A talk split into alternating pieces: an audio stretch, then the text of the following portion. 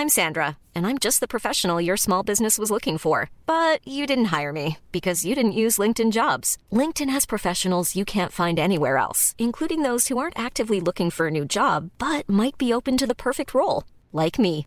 In a given month, over 70% of LinkedIn users don't visit other leading job sites. So if you're not looking on LinkedIn, you'll miss out on great candidates like Sandra. Start hiring professionals like a professional. Post your free job on linkedin.com/people today. Hey, I'm Ryan Reynolds. Recently, I asked Mint Mobile's legal team if big wireless companies are allowed to raise prices due to inflation. They said yes. And then when I asked if raising prices technically violates those onerous two-year contracts, they said, "What the f*** are you talking about? You insane Hollywood ass." So to recap, we're cutting the price of Mint Unlimited from $30 a month to just $15 a month. Give it a try at mintmobile.com slash switch. $45 upfront for three months plus taxes and fees. Promo rate for new customers for limited time. Unlimited more than 40 gigabytes per month. Slows. Full terms at mintmobile.com. Millions of people have lost weight with personalized plans from Noom, like Evan, who can't stand salads and still lost 50 pounds.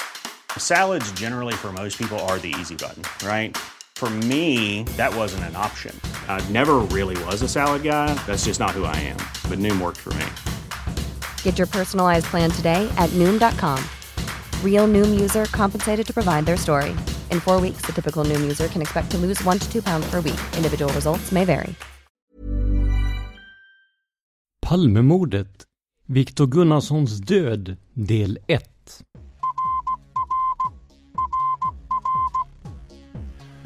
Sveriges statsminister Olof Palme är död. 90 000. Ja, det är mord på Sveavägen. Hörde de säger att det är Palme som är skjuten. Mordvapnet med säkerhet är en Smith Wesson, en revolver kaliber .357. Inte ett svar. Finns inte ett svar. För jag har inget och jag har inte varit Varför skulle jag Polisen söker en man i 35 till 40-årsåldern med mörkt hår och lång mörk rock. Välkomna till podden Palmemordet som idag görs av mig, Tobias Henriksson på PRS Media. Den här podden görs med hjälp av er lyssnare. Om ni vill att vi ska kunna ta oss an flera stora spår, som till exempel just Viktor Gunnarsson, får ni gärna stötta oss via patreon.com palmemordet.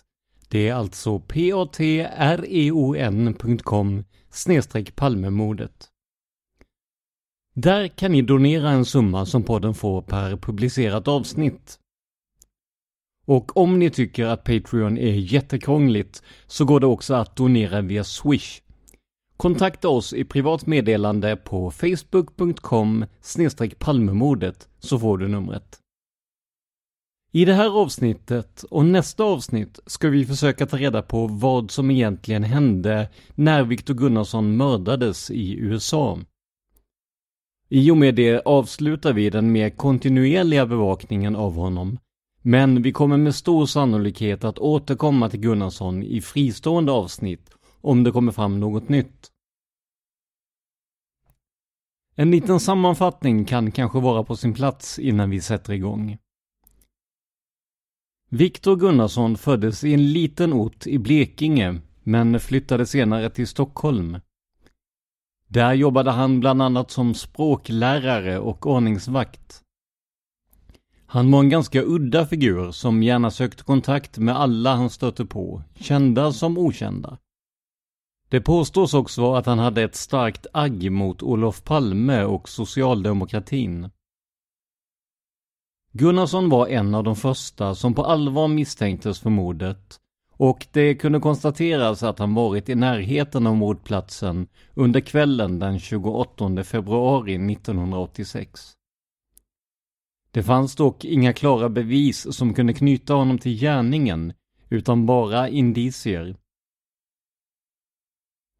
Dåvarande spaningsledare och länspolismästare Hans Holmer var inte speciellt förtjust i Gunnarsson som tilltänkt mördare utan menade att han bara pratade och skröt utan att ha något på fötterna. I det delade han faktiskt inställning med Gunnarsson själv, som hela tiden förnekat att han mördat statsministern. Men många andra ville utreda Gunnarsson noggrannare. Däribland förhörsledare Börje Wingren, som tillbringade åtskilliga timmar med den misstänkte mördaren. Men efter ett antal omgångar med förhör och konfrontationer släpptes Viktor Gunnarsson ur polisens grepp, även om vissa fortfarande hade misstankar mot honom. Strax efter frisläppandet flyttade Viktor till USA och slog sig så småningom ner i North Carolina. Författaren och journalisten Anders Leopold har tittat närmare på Gunnarssons tid i USA och hans dödsfall och han skriver om det i sin bok Jag sköt Olof Palme. Bland annat ska Gunnarsson ha sagt till sin bekante Brandon Shelton att han tjänade sitt uppehälle på prostitution och droger. Tänk dock på att detta är andrahandsuppgifter som framkom i förhör med Shelton, så vi vet inte om det är sant. Något som flera vittnen dock menar är sant är att Gunnarsson hade ett mycket vidlyftigt kärleksliv under sin tid i USA. Bland annat hade han sexuellt umgänge med Brandon Sheltons hustru och med exflickvännen till den person som senare dömdes för mordet på Victor Gunnarsson. I samma förhör, utförd av North Carolina State Bureau of Investigation, säger Shelton att Victor var bisexuell och att Brandon hittade Gunnarsson i säng med en man vid ett tillfälle. Kanske är det inte intressant för historien som sådan, men det ger en bild av att Gunnarsson fortsatte sitt ganska gränslösa liv även efter att han emigrerat till USA. I ett förhör med Rana Chaudhuri, ursprungligen från Indien, kommer följande uppgifter fram. Citat. Gunnarsson berättade att han inte tyckte om politiska ledare och att det var han som mördade Sveriges premiärminister Olof Palme. Gunnarsson uppgav att han blev arresterad och senare frisläppt på grund av brist på bevis. Choderi uppgav att Gunnarsson skröt om detta. Gunnarsson sa att om han fick möjlighet skulle han döda alla politiska ledare, inklusive USAs president. Gunnarsson uppgav att han skulle gå upp bakom USAs president och skjuta honom bakifrån, precis som han gjorde med Sveriges statsminister. Men presidenten var ordentligt bevakad. Gunnarsson berättade för Chaudhary att han lämnade Sverige därför att han fruktade för sitt liv och räknade med att var han än befann sig så skulle han dödas på samma sätt som han dödade premiärministern. Chaudhuri uppgav att Gunnarsson sa att han ville skjuta USAs president i huvudet. Gunnarsson uppgav att han blev arresterad och senare släppt i brist på bevis. Chaudhuri uppgav att Gunnarsson skröt och skröt och skrattade åt att han lyckades döda premiärministern och komma undan. Slut citat. Nu vet vi ju att Gunnarsson ljög och skröt väldigt mycket så det här behöver inte vara sant. Men det är ändå märkligt att han pratar så fritt om det som borde vara det största traumat i hans liv. Men åter till Gunnarssons död. För den 3 december 1993 pratade hans pappa med honom för sista gången på telefon. Därefter hördes Viktor inte av fler gånger. En stor polisinsats påbörjades i North Carolina och man gick bland annat ut med Gunnarssons bild i TV för att få in tips om honom. En utredare sa till Expressen tisdag den 4 januari 1994, citat. Vi har inte fått upp något spår efter honom, vilket är underligt, säger löjtnant Level Lavette vid polisen i North Carolina. Expressen frågar Misstänker ni något brott bakom försvinnandet? Det är mycket märkligt att en person försvinner så här utan att lämna något som helst spår efter sig eller höra av sig till några vänner eller släktingar. Slutcitat. Till tidningen säger också Gunnarssons pappa så här, citat. Det kan mycket väl vara så att Viktor har blivit röjd ur vägen av någon som ville tysta honom. Slutcitat. Och hans fars farhågor skulle visa sig stämma. För i början av januari 1994 fick man till slut reda på vad som hänt Gunnarsson. En lantmätare arbetade i North Carolinas Blue Ridge Mountains och såg något som han sent kommer att glömma. För i snön fanns ett par nakna fötter som stack upp. Han meddelade såklart polisen och de kunde konstatera att man hittat liket av en medelålders man. Liket var helt naket och det fanns två tydliga skotthål i huvudet enligt mordutredaren Paula Townsend som jobbade med fallet. Det rådde inget tvivel om att det här var en avrättning av en professionell mördare, enligt utredarna. Anledningen till att liket var naket tror man är att mördaren, eller mördarna, inte ville lämna spår i form av fibrer eller DNA. En naken kropp är också svårare att identifiera då det ju saknas plånbok och andra personligt material. Det fanns dock två saker på liket som mördaren inte hade tagit bort. Det ena var en guldring med initialerna RMR och det andra var en guldklocka som såg ut som en 20 sedel. Dessa hade Gunnarsson, enligt vännen Bill Shopping, fått från en Bill Rambo. Det här var en av personerna som var god vän med Gunnarsson och som också hjälpte honom att komma över till USA. Vi på podden har försökt identifiera och kontakta Mr Rambo, men utan att lyckas. Troligtvis är han idag död och det brev som skickades till hans sista kända adress har inte besvarats. Åter till mordet. Platsen som man hittade Gunnarsson på är också intressant. För anledningen till att det var en lantmätare på platsen var att vägen som gick i området snart skulle breddas. Om det inte hade varit för den tillfälligheten hade det varit svårt, om inte helt omöjligt, att hitta kroppen i den här otillgängliga terrängen. Detta väcker såklart misstankar om att mördaren kände till platsen och valde den just för att liket inte skulle upptäckas. För att se om man kunde hitta några spår beordrade man fram stora värmeaggregat och med hjälp av dem smälte man bort snön i ett stort område omkring fyndplatsen. Men inte heller detta gav något större resultat. Man hittade bara en sak och det var svart eltejp som tycks ha använts som munkavle för att hindra Gunnarsson från att ge ljud ifrån sig. På tejpremsan hittade man också hårstrån som tillhörde offret. Sheriff Red Lions, som fick hand om ärendet till en början, verkar i ett fridsamt distrikt där man brukar ha högst ett mord om året. Det fanns inte heller någon saknad person i polisdistrikten runt omkring som motsvarade den döda kroppen. För Salisbury, där Victor Gunnarsson bodde, ligger en bra bit bort. Det var alltså därför det dröjde innan man kopplade ihop hans försvinnande med fyndet. Till slut vidgade man dock sökområdet och hittade den försvunna personen Viktor Gunnarsson, som alltså saknades sedan drygt en månad från Salisbury, North Carolina.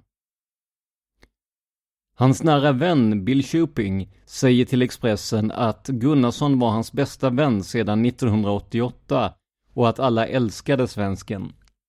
Shooping säger också att han visste att någon fixat honom direkt när han läste om försvinnandet i tidningen.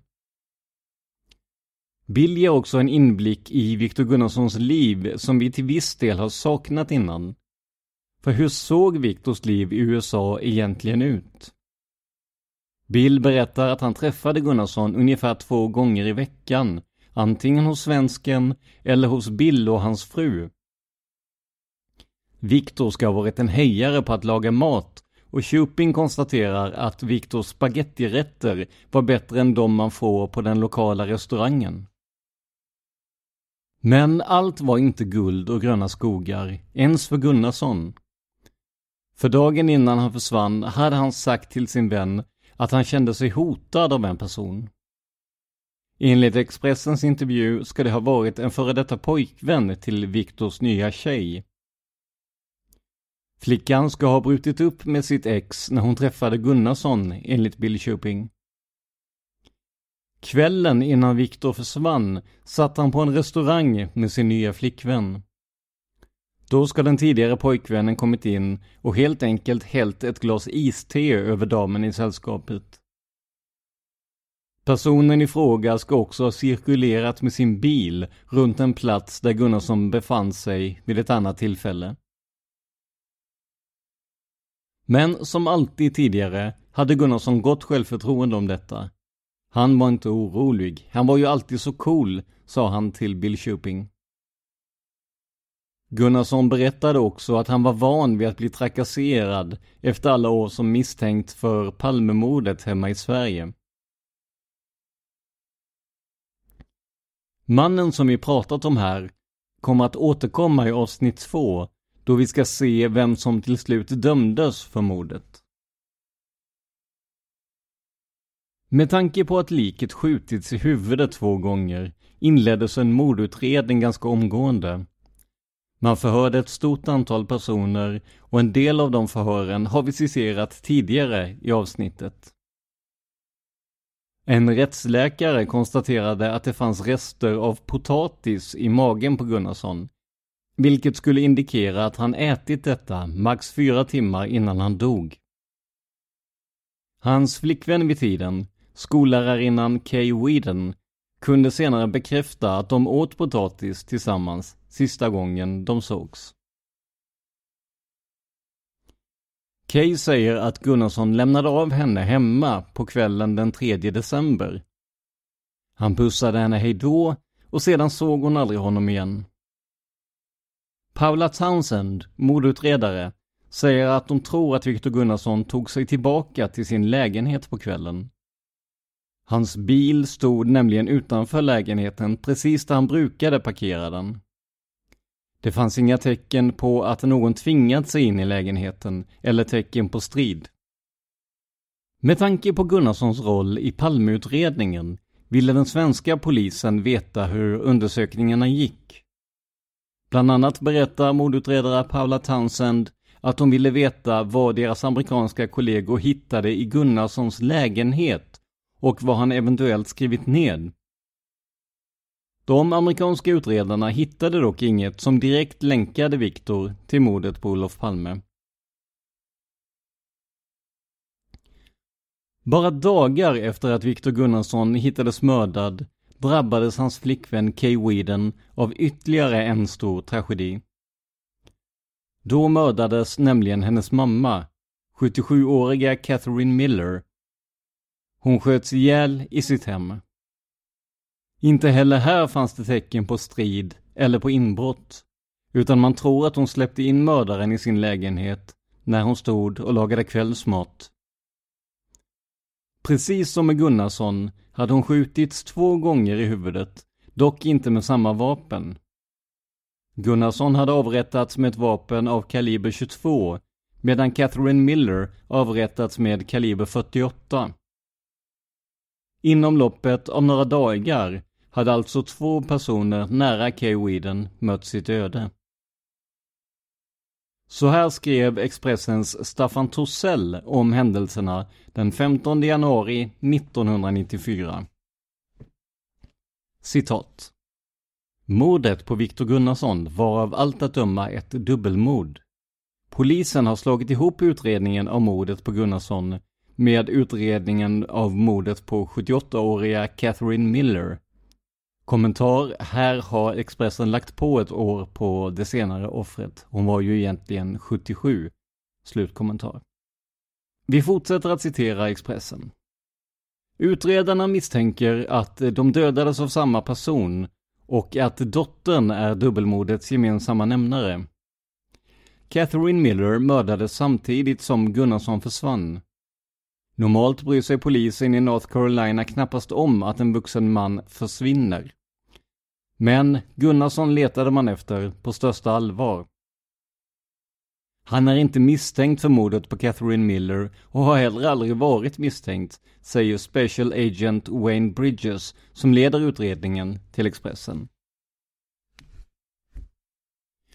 Sheriffen i Salisbury, Bob Martin, säger att Catherine Miller mördades strax efter det att hon kom hem från sitt arbete onsdagen den 8 december. Hon var 78 år gammal men arbetade ändå heltid. Hon skötte bokföringen på en kylskåpsfabrik där hon varit anställd hela sitt liv. På 40 år hade hon aldrig kommit för sent till jobbet. När hon inte kom dit som vanligt på torsdagsmorgonen blev hennes arbetskamrater snabbt oroliga. Garaget var stängt, huset var låst. Arbetskamraterna som hade sällskap av hennes dotter bröt sig in i huset och hittade henne död på köksgolvet. Hon hade fortfarande sina glasögon på sig. Ingenting tydde på att något uppträde föregått det dödande skottet. Hon var en stillsam och rar gammal dam, sa en granne dagen efter till lokaltidningen. Sheriffen Bob Martin var rasande när han talade om hennes död. Någonting måste göras, sa han. Vi fångar mördarna, sätter dem i fängelse. Men de som borde ha dödsstraff får bara livstidsfängelse. Brottslingarna skrattar åt oss. I USA ordnar man i regel begravningen snabbt efter ett dödsfall. Och begravningen föregås ofta av att man tar farväl av den döda och deltar i de anhörigas sorg genom att besöka det begravningshem där kistan finns. Men Viktor Gunnarsson kom aldrig, trots att han kände den döda och hennes dotter väl. Det var då man på allvar började leta efter honom. Ready to pop the question? The jewelers at BlueNile.com have got sparkle down to a science with beautiful lab-grown diamonds worthy of your most brilliant moments. Their lab-grown diamonds are independently graded and guaranteed identical to natural diamonds, and they're ready to ship to your door. Go to Bluenile.com and use promo code LISTEN to get $50 off your purchase of $500 or more. That's code LISTEN at Bluenile.com for $50 off. Bluenile.com code LISTEN. There's never been a faster or easier way to start your weight loss journey than with PlushCare. PlushCare accepts most insurance plans and gives you online access to board certified physicians who can prescribe FDA approved weight loss medications like Wigovi and Zepbound for those who qualify. Take charge of your health and speak with a board certified physician about a weight loss plan that's right for you. Get started today at plushcare.com slash weight loss. That's plushcare.com slash weight loss. Plushcare.com slash weight loss. This is Paige, the co-host of Giggly Squad, and I want to tell you about a company that I've been loving, Olive and June. Olive and June gives you everything that you need for a salon quality manicure in one box. And if you break it down, it really comes out to $2 a manicure, which is absolutely insane. It's also so easy to get salon worthy nails at home with Olive and June. The difference between how your nails used to look when you did them yourself and now with the Manny system is a complete game changer. The best thing about Olive and June too is it's a quick dry, dries in about one minute, lasts for five days, and full coverage in up to one to two coats. Visit oliveandjune.com slash perfectmanny20 for 20% off your first system. That's oliveandjune.com slash perfectmanny20 for 20% off your first system.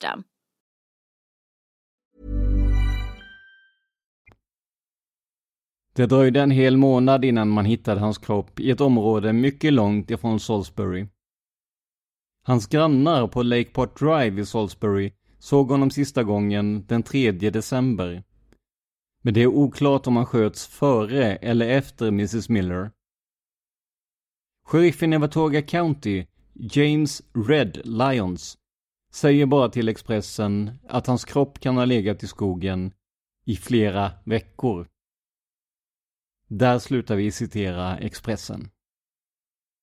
Vad man inte visste vid tillfället var att även Catherine Millers dotter, tillika Gunnarssons flickvän Kay Weeden också får ta emot hot både i brev och telefonsamtal. Dokumentären Forensic Files to the Victor citerar ett av samtalen. Citat. Säg till din pojkvän också. Vi har sett honom och hans jävla polare sitta i bilen ikväll. Och nästa gång kommer de förbannade skotten inte att vara varningsskott. Slutcitat. Whedon fick också utpressningsbrev där det stod att hennes son skulle skadas om hon inte betalade en lösensumma. Kay Whedon säger att hon inte kunde tänka sig någon som skulle kunna göra så och att det är svårt att vara rädd för någon som man inte vet vem det är. Den enda som hon hade något otalt med var den före detta pojkvännen, som vi kommer till i avsnitt två. Men deras relation hade förbättrats efter incidenten med isteet som vi berättade om innan. Dessutom var det inte hennes expojkväns röst på hotsamtalet hon fick via telefon. Men visst är det märkligt att två personer som är så förknippade med Kay dör inom en så kort tid och att den som misstänks är hennes expojkvän. Men kanske var det någon helt annan? Finns det kanske någon som hade anledning att ha ihjäl Gunnarsson utöver Kay Widens tidigare pojkvän? Ja, faktiskt. Kommer ni ihåg Brandon Shelton som vi nämnde tidigare i avsnittet? Han har mycket mer att berätta om man läser igenom hela förhöret. Och det är precis vad vi ska göra nu. Förhöret finns med i boken Jag sköt Olof Palme av Anders Leopold och kommer ursprungligen från North Carolina State Bureau of Investigation. Citat. Brandon kände Viktor Gunnarsson. Han visste att Viktor låg med hans hustru. Han hatade Viktor för detta. Hans fru Heather berättade för honom att hon låg med Viktor. Brandon var gift med Heather May Shelton. De separerade på grund av Brandons alkoholproblem. Brandon var extremt svartsjuk på Heather och ville få slut på förhållandet mellan henne och Victor. Brandon hade en brevlåda med ordet Vega målat på den. Han vet inte varför ordet Vega hade målats på hans brevlåda. Han såg senare Victors visitkort med namnet Vega Exports på det. Victor berättade för Brandon att han tjänade pengar på att sälja droger och på prostitution. Victor hade ofta en hel del pengar. Brandon såg vid ett tillfälle Victor med en bunt sedlar. Victor tyckte om att öppna sin plånbok så man kunde se hur mycket pengar han hade i den.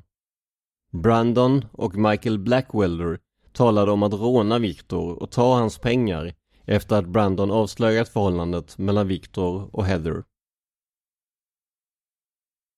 Han kom hem från arbetet på Ryan's Steakhouse i november 1993 och träffade på Victor och en annan man i sitt hus tillsammans med hans fru. Han förstod att något hänt med tanke på deras uppträdande. Brandon var arg och misstänksam eftersom Victor var där med hans fru. Han började svära och hota Victor och sa att han skulle döda honom. Brandon sa till Heather att han skulle döda henne också därför att han visste att hon hade sex med Victor. Victor var berusad eller hög och hade inte fått på sig sin skjorta. Heathers blus var oknäppt.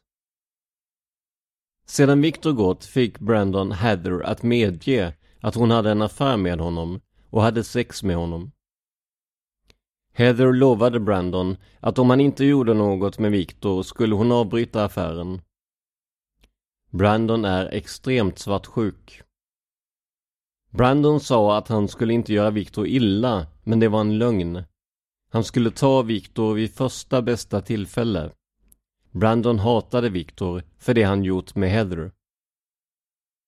Brandon började hänga på köpcentret och spelade biljard med Victor.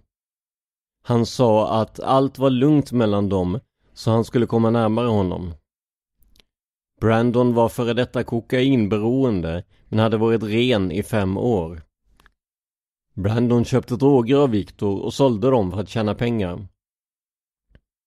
Michael Blackwelder var också vän med Victor och Brandon. Han vet att Michael Blackwelder och Victor var bisexuella. Han såg Victor och Michael Blackwelder i säng när Blackwelder bodde hos Victor. Michael Blackwelder har fortfarande nyckel till Victors lägenhet och får sin post dit. Brandon är nervös för han är medveten om att polisen har pratat med Heather och att hon berättat om att han hade en affär med Victor. Han vet också att Heather berättade för polisen att Brandon hotat med att döda Victor. Brandon vet också att Heather berättat för polisen efter mordet på Victor att Brandon sagt att han dödat Victor och hotade henne. Sista gången han såg Victor Gunnarsson var den 3 december 1993. Han och Michael Blackwelder var hos Victor i hans lägenhet den eftermiddagen. De drack men var inte berusade. Brandon och Michael hade bestämt sig för att ta Gunnarsson. Men hans vän var där och de ville inte skada honom. Victor fick ett telefonsamtal från en kvinna som han sa att han träffade och berättade att han hade en träff med henne den natten. Brandon och Michael Blackwelder hade lånat en pistol, kaliber 22, av grannen John Wagoner. Han hade också lånat en pistol, kaliber 38, av Wagoner. Brandon och Michael Blackwelder beslutade att komma tillbaka senare på natten och ta Victor. Brandon fick frågan Dödade du Viktor Gunnarsson? Han hängde med huvudet och sa Det är nog bäst att jag inte besvarar den frågan just nu. Han och Viktor hade bråkat om affären Viktor hade haft med Heather. Brandon medgav att han hotat Viktor på grund av denna affär. Brandon har tidningsklipp om mordet på Viktor. De finns i hans farfars hus, granne till hans egen bostad. Brandon samlade tidningsartiklar om mordet på Victor. Notera. Brandon tillåter utredarna att titta i klippboken, vilken inte fanns hos farfadern, utan under soffan i Brandons vardagsrum. Han hade tidigare sagt att den fanns hos farfadern. Brandon blev tillfrågad om han hade någon portfölj. Han uppgav att han hade en vit portfölj. Han tillät utredarna att se vad som fanns i den. De fann en nyligen publicerad artikel i Salisbury Post om Victor Gunnarssons bil. Inga andra föremål som var relevanta för utredningen fanns i portföljen. Brandon blev tillfrågad Har du skrivit en bekännelse om mordet på Victor eller sagt till någon att portföljen innehöll en bekännelse och vapnet som användes mot Victor? Brandon ville tala med en advokat innan han besvarade frågan. Brandon hade en Tempo årsmodell 1984, blå till färgen. Hans vänner i december 1993 var Jonathan and Cindy Williams, Brian Chris, Todd Harris, Billy Basinger, Robbie Smith, Skippy, Damon Lamar Croft, Happy Lake Road. Brandon hade åtalats för att hålla en före detta flickvän fången mot hennes vilja. Han erkände senare sig skyldig till att ha begått brott mot en minderårig. Victor berättade för Brandon att han hade blivit anhållen för att ha mördat premiärministern. Han skröt och skröt om hur han dödat premiärministern och kommit undan. Victor sa att han kommit upp bakom premiärministern och skjutit honom. Victor sa att han flyttat till USA för att komma undan de problem som uppstod i samband med mordet. Brandons pappa sitter i fängelse i North Carolina för inbrott och stöld. Brandon hade hört talas om Victor innan han såg honom och hans fru tillsammans. Han hade hört att Victor var a ladies man. Det måste Victor ha varit eftersom han hade sex med Brandons fru. Brandon berättade en kväll hemma i sin husvagn när Robbie Smith och Frankie Blackwelder var närvarande hur han överraskat Victor med sin fru. Robbie och Frankie frågade honom om han visste något om mordet på Gunnarsson och han svarade Ja, det vet jag. Jag dödade honom därför att han hade sex med min fru. Det var allt han sa om mordet den kvällen. Vid ett annat tillfälle i Food Lion Store träffade Robbie Smith Brandon och frågade honom om mordet. Brandon medger att han sagt till Robbie Smith Okej, okay, I'll tell you. I killed Victor Gunnarsson. Brandon sa att han var nykter.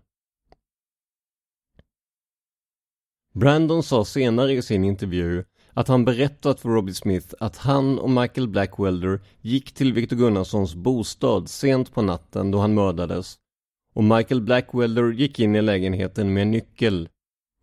Gunnarsson låg i sängen. De fick upp honom ifrån sängen med påståendet att de skulle till ett party och hoppade sedan på honom. Brandon berättade för Robbie Smith att de bakbundit hans händer med tejp som de fann i lägenheten. Det var Black Electric Tape. Alltså svart eltejp. Och någon färgad tejp. Brandon sa att han berättade för Robbie Smith att de bar Victor ner till hans bil och la honom i bagageluckan, Victors bil. Brandon berättade för Robbie Smith och andra att han och Michael Blackwelder körde upp till bergen och i skogen sköt Victor i huvudet med en 22-kalibrig pistol och sedan körde hem Gunnarssons bil till parkeringen utanför lägenheten. Han har varit i Blue Ridge Parkway och Boone, North Carolina många gånger och känner väldigt väl till området. Han vet var Deep Gats ligger. Kommentar Deep Gats var stället där Victor Gunnarssons lik hittades. Slutkommentar. Han och hans pappa har varit på Blue Ridge Parkway och kört motorcykel många gånger. Brandon har gjort erkännanden att han dödade Victor Gunnarsson. Och där slutar vi citera förhöret. Det här låter väl som ett klart och tydligt erkännande av mordet på Gunnarsson? Tycker ni inte det? Så vad gjorde då polisen åt det? Ingenting, som det verkar. För vid det här tillfället hade man inriktat sig på Kay Weedens tidigare pojkvän istället. Någon undersökning av bagageluckan i Sheltons bil, där han påstod att Gunnarsson placerades, gjordes till exempel inte. Inte heller utfördes det några nya förhör med Brandon Shelton och Michael Blackwilder. Och kort före rättegången mot expojkvännen försvann de tillsammans med de vapen som sannolikt var mordvapnen. Brandon var enligt utredarna, och så småningom också domstolen, svårt alkoholiserad och inte nykter och därmed inte trovärdig när han påstod att han sköt Gunnarsson. Men hans exhustru sa att han var nykter när han erkände för henne. Känns mönstret igen? Personer som på olika sätt kan kopplas till ett brott väljs bort för att det inte passar de egna teorierna. Jag tycker mig se en klar koppling till Palmeutredningen och det som bland andra Lars Borgnäs kallar tunnelseende. Man inriktar sig helt enkelt så mycket på en person att man inte ser de andra spåren. Men nu var det ju inte Brandon och Michael som dömdes för mordet på Victor Gunnarsson. Istället var det expojkvännen till Kay Weeden som vi berättat tidigare. I nästa avsnitt kommer ni att få höra hans historia. Då kommer vi också att titta på på vilka grunder han dömdes och se vilket av de två spåren som är mest sannolikt. Om ni är intresserade av mystiska mordfall, som det här, så rekommenderar jag verkligen Dans andra poddar. I Mördarpodden tar han och Josefin Måhlén upp enskilda mord och mystiska försvinnanden. I Seriemördarpodden får vi stifta bekantskap med några av de absolut värsta mördarna som världen känner till. Och i systerpodden, Massmördarpodden, tar Dan upp fall där flera personer mördats vid ett och samma tillfälle. Själv gör jag en podcast som heter Tänk om och där inriktar vi oss speciellt på konspirationsteorier och myter Även här kommer ni att få ett och annat true crime-fall presenterat. Till exempel pratade jag för ett par veckor sedan om det ouppklarade mordet på John Benet Ramsey. Alla de här poddarna, utom Mördarpodden och Massmördarpodden, finns i din poddklient. Massmördarpodden är en betalpodd som finns hos podmi.com. Gå gärna in där och prenumerera. Mördarpodden finns än så länge på Youtube men kommer att släppas på alla större poddplattformar under sommaren 2019. Till sist påminner vi igen om att ni gärna får stötta podden via patreon.com palmemordet Alltså p-a-t-r-e-o-n.com Era bidrag är viktiga för att vi ska kunna ta oss an större spår och fortsätta vår genomlysning av Palmeutredningen. Med det avslutar vi dagens avsnitt av Palmemordet som gjordes av mig, Tobias Henriksson på PRS Media. För mer information om mig och mina projekt besök prsmedia.se eller facebook.com prsmedia.se Och eh, podden Palmemordet finns också på Facebook. Gå in på facebook.com palmemordet och gilla sidan och kommentera dagens avsnitt. Sedan våren 2019 lägger vi bara ut avsnitt som kräver textning eller bilder på vår Youtube-sida. Om ni vill veta mer om varför, sök på Palmemordet på Youtube. Där har Dan lagt upp en liten film om detta. Stort tack för att ni lyssnar på podden Palmemordet. Man hittar Palmes mördare om man följer PKK-spåret till botten. Därför att ända sedan Julius Caesars tid har det aldrig hört talas om ett mord på en framstående politiker som inte haft politiska skäl. Polisens och åklagarens teori var att han ensam hade skjutit Olof Palme. Det ledde också till rättegång, men han frikändes i hovrätten. Nu ska vi ut på rövarstråt, vi ska Aftonbladet, lördag 29 december 2018. Artikeln skriven av Jenny Rydberg. Kärleksrivalen dödade 33-åringen. Dog efter 21 år i fängelse. Viktor Gunnarsson blev känd som 33-åringen i Palmeutredningen och misstänktes vara Olof Palmes mördare. Några år senare mördades han i USA efter att ha hamnat i ett svartsjukedrama med en polisman och hans exflickvän. Nu har den tidigare polismannen dött. Det skulle senare visa sig att han blivit mördad av en kärleksrival, Lamont Claxton Underwood, som arbetade som polis. Innan mordet hade Victor Gunnarsson inlett ett förhållande med Lamont Claxton Underwoods exflickvän. Polismannen sa sig vara oskyldig, men dömdes 1997 till livstidsfängelse för att ha kidnappat och mördat Victor Gunnarsson. Överklagade domen Strax före Viktor Gunnarsson hittades död blev också den 77-åriga mamman till flickvännen skjuten till döds i sitt hem. Ingen dömdes för mordet på mamman. Lamont Claxton Underwood har fortsatt att hävda sin oskuld under alla sina år bakom lås och bom.